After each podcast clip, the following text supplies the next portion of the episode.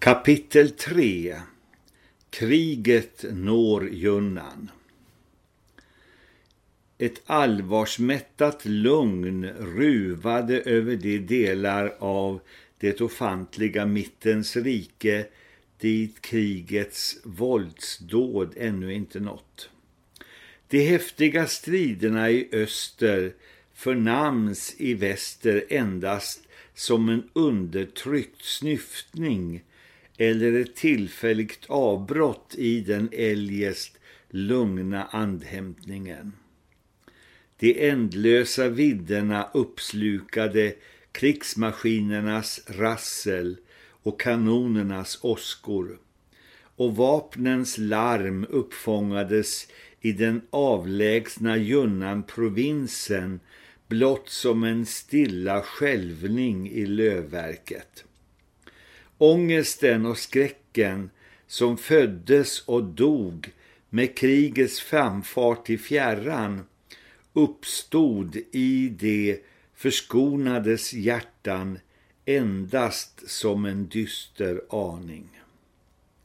Lugn flöt livets flod och människorna njöt nuets lycka. Aningsmättat lugn ruvade över Junnans berg och dalar. Då kom med våren 1942 den japanska storoffensiven.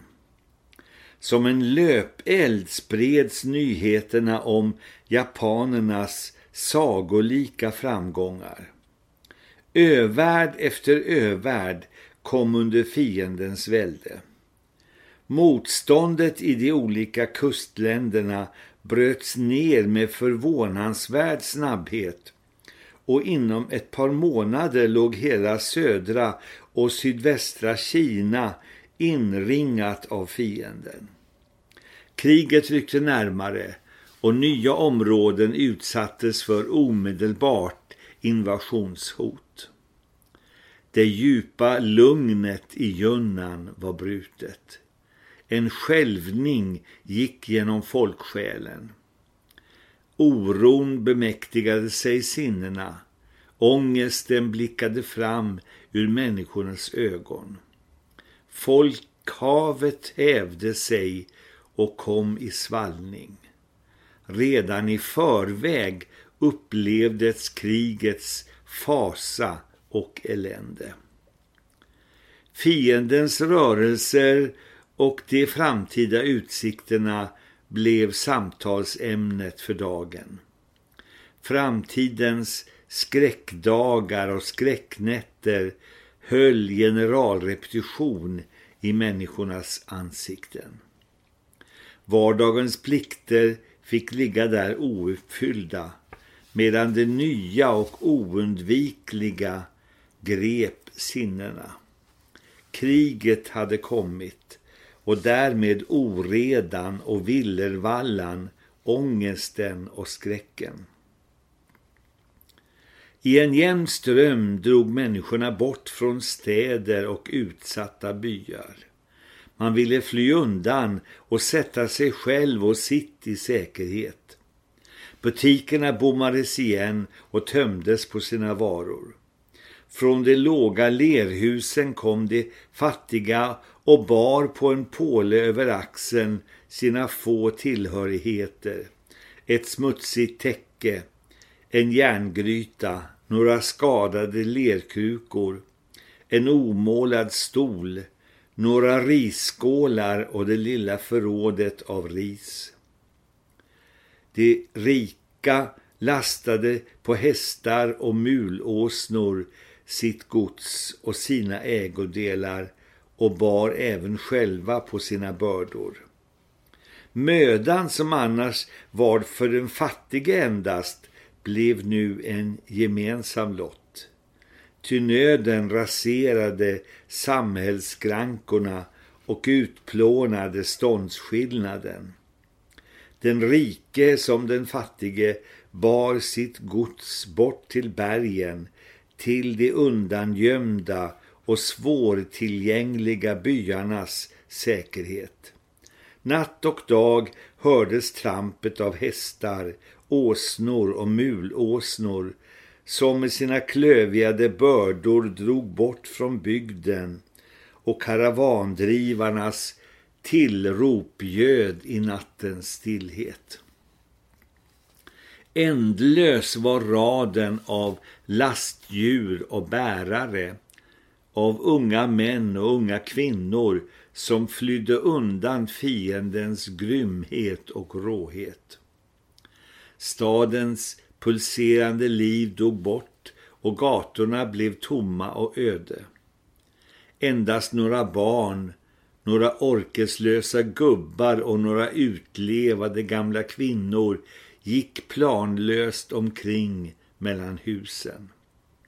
Efter upphetsningen och oron rådde åter lugn i staden. Även de kristna som hade sina hem i staden eller i dess omedelbara närhet hade flytt bort. Många gånger hade de kommit till mig och uttryckt sin ängslan och oro inför det kommande. Visst ägde de en trons vila och en trygghet som hedningarna inte kände till, men de lämnades dock inte helt oberörda av den allmänna oro som tycktes ligga i luften.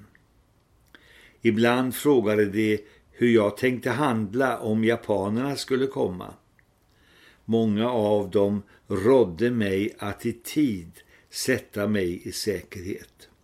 De ville mitt bästa och önskade att jag skulle slippa från krigets olycka. Själv oroade jag mig inte mycket för framtiden. Jag visste med säkerhet att min beskyddare var med mig. Den som sitter under den högstes beskärm och vilar under den allsmäktiges skugga, han säger, i Herren har jag min tillflykt och min borg, min Gud på vilken jag förtröstar. Visserligen hade jag på förhand gjort mig beredd för en brådstörtad flykt, men jag ville stanna kvar i det längsta för att vara de infödda kristna till hjälp och uppmuntran. Ett av skälen varför jag ville försöka stanna, även om japanerna skulle tränga in i provinsen och komma till de trakter där jag bodde, var också att jag tillhör ett neutralt land. Japanerna borde ju ta hänsyn till detta faktum. För att vara beredd på alla eventualiteter hade jag emellertid packat en liten fältutrustning som jag själv kunde bära om jag måste fly. Den bestod av en sovsäck av fårskinn, en skjorta, ett ställ underkläder, ett par strumpor, ett par bomullsbyxor, ett miniatyrmyggnät för ansiktet gjort av ett par nätkalsonger på vilka jag sytt ihop öppningar för benen och i vilka jag fäste på röda snören för upphängning. Min necessär med de nödvändiga toalettartiklarna, en ficklampa, bibeln på svenska och kinesiska och slutligen mitt pass och så mycket pengar jag hade i min ägo. Dessa olika småsaker var inlagda i sovsäcken vilken rullades ihop så att jag kunde bära den på ryggen i en rem runt skuldrorna och bröstet. En hel del av mina övriga mindre skrymmande och mer värdefulla ägodelar hade jag grävt ner på ett skyddat och tämligen säkert ställe. För att inte någon av kineserna skulle få kännedom om mitt gömställe grävde jag gropen om natten i största hemlighet.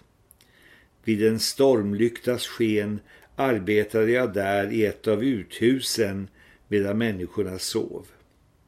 Allt djupare trängde spaden ner i den ganska lösa marken och till slut hade jag schaktat ett hål stort nog att rymma de fyra plåtlådor i vilka jag packat sakerna.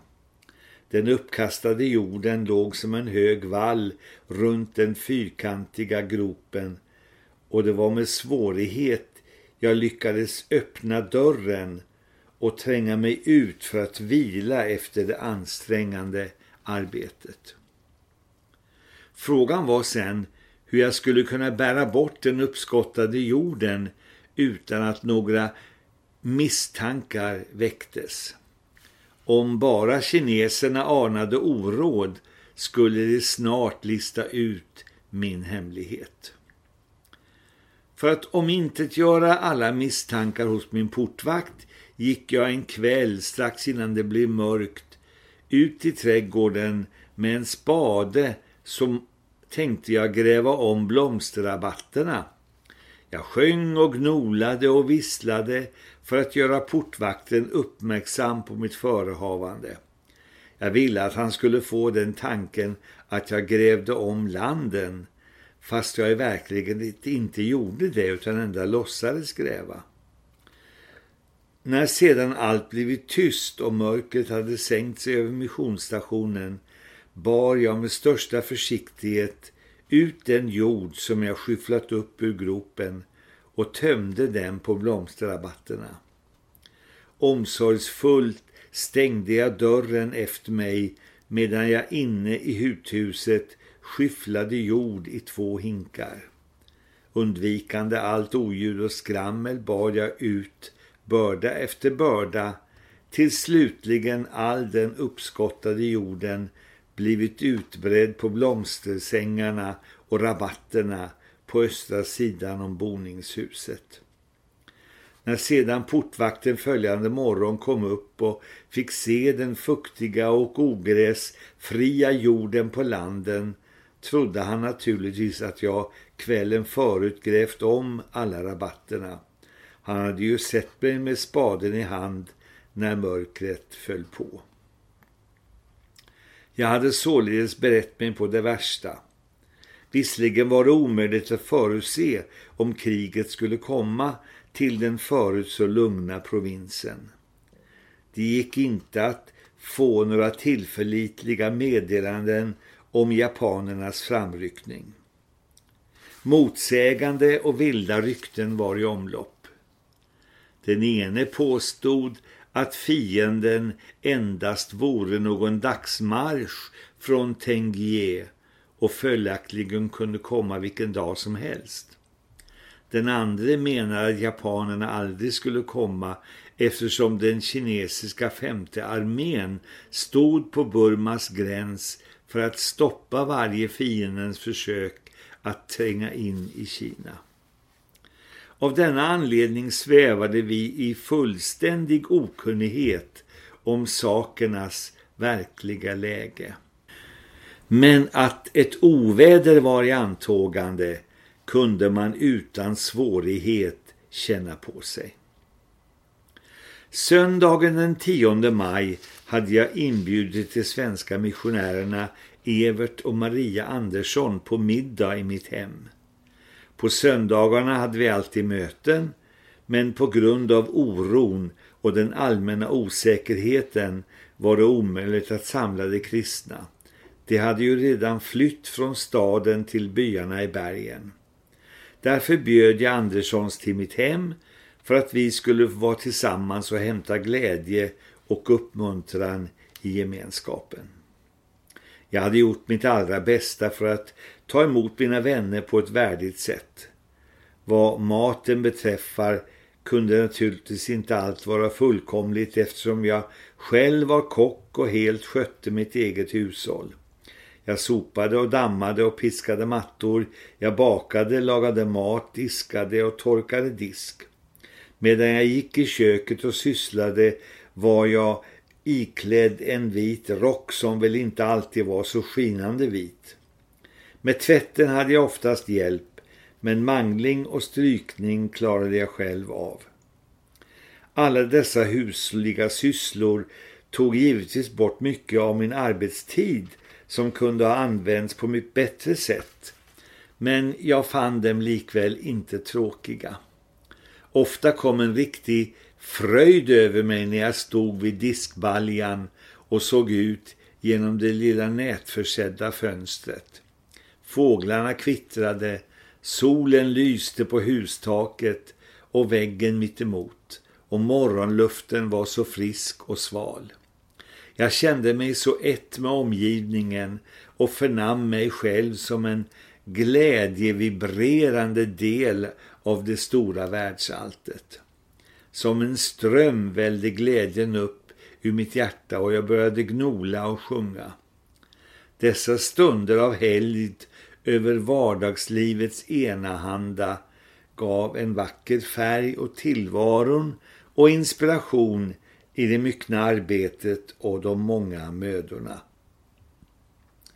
När mina vänner Andersson skulle komma till mig på söndagsmiddag gjorde jag som sagt mitt allra bästa och den tidigare övningen kom mig nu väl till pass. Steken var färdig och vackert brynt, potatisen var kokt, grönsakerna var upplagda och bordet var dukat med en bländvit duk när gästerna anlände. Hur kärt det var att mötas i det främmande landet. Det gemensamma främlingskapet förenar. Den allmänna oron och det allvarliga läget gjorde också att vi mer än någonsin gladdes åt att träffas. Där vid middagsbordet njöt vi av anrättningarna och samtalade om det aktuella för dagen. Krigets och missionens problem trängdes i våra hjärtan och hjärnor. Vi undrade hur det skulle gå med de infödda kristna om kriget komme. Skulle det visa sig vara tillräckligt rotade och grundade i sanningen så att de kunde härda ut i påfrestningarna och i eventuella förföljelser. Och hur skulle det gå för oss missionärer om provinsen blev krigsskådeplats? Visst försökte vi se hoppfullt på läget i det längsta och uppmuntrade varandra och intalade varandra mod och tillförsikt. Men det annalkande kriget kastade sin skugga över oss och gjorde oss mer än vanligt allvarliga. Vi kunde inte komma ifrån den känslan att fara lurade på oss och att nöd låg framför. Under förtroligt och allvarstämt samspråk förflöt timmarna och middagen avslutades. Då med ens hörde vi några skott avlossas och den tanken for med våldsam skärpa genom oss. Fienden har kommit. Det oundvikliga hade alltså inträffat. I samma stund sprang några kineser förbi min port och ropade med ångest i rösten. Japanerna har kommit. Japanerna är här. Då stod det klart för oss vad som hade hänt. Kriget hade kommit.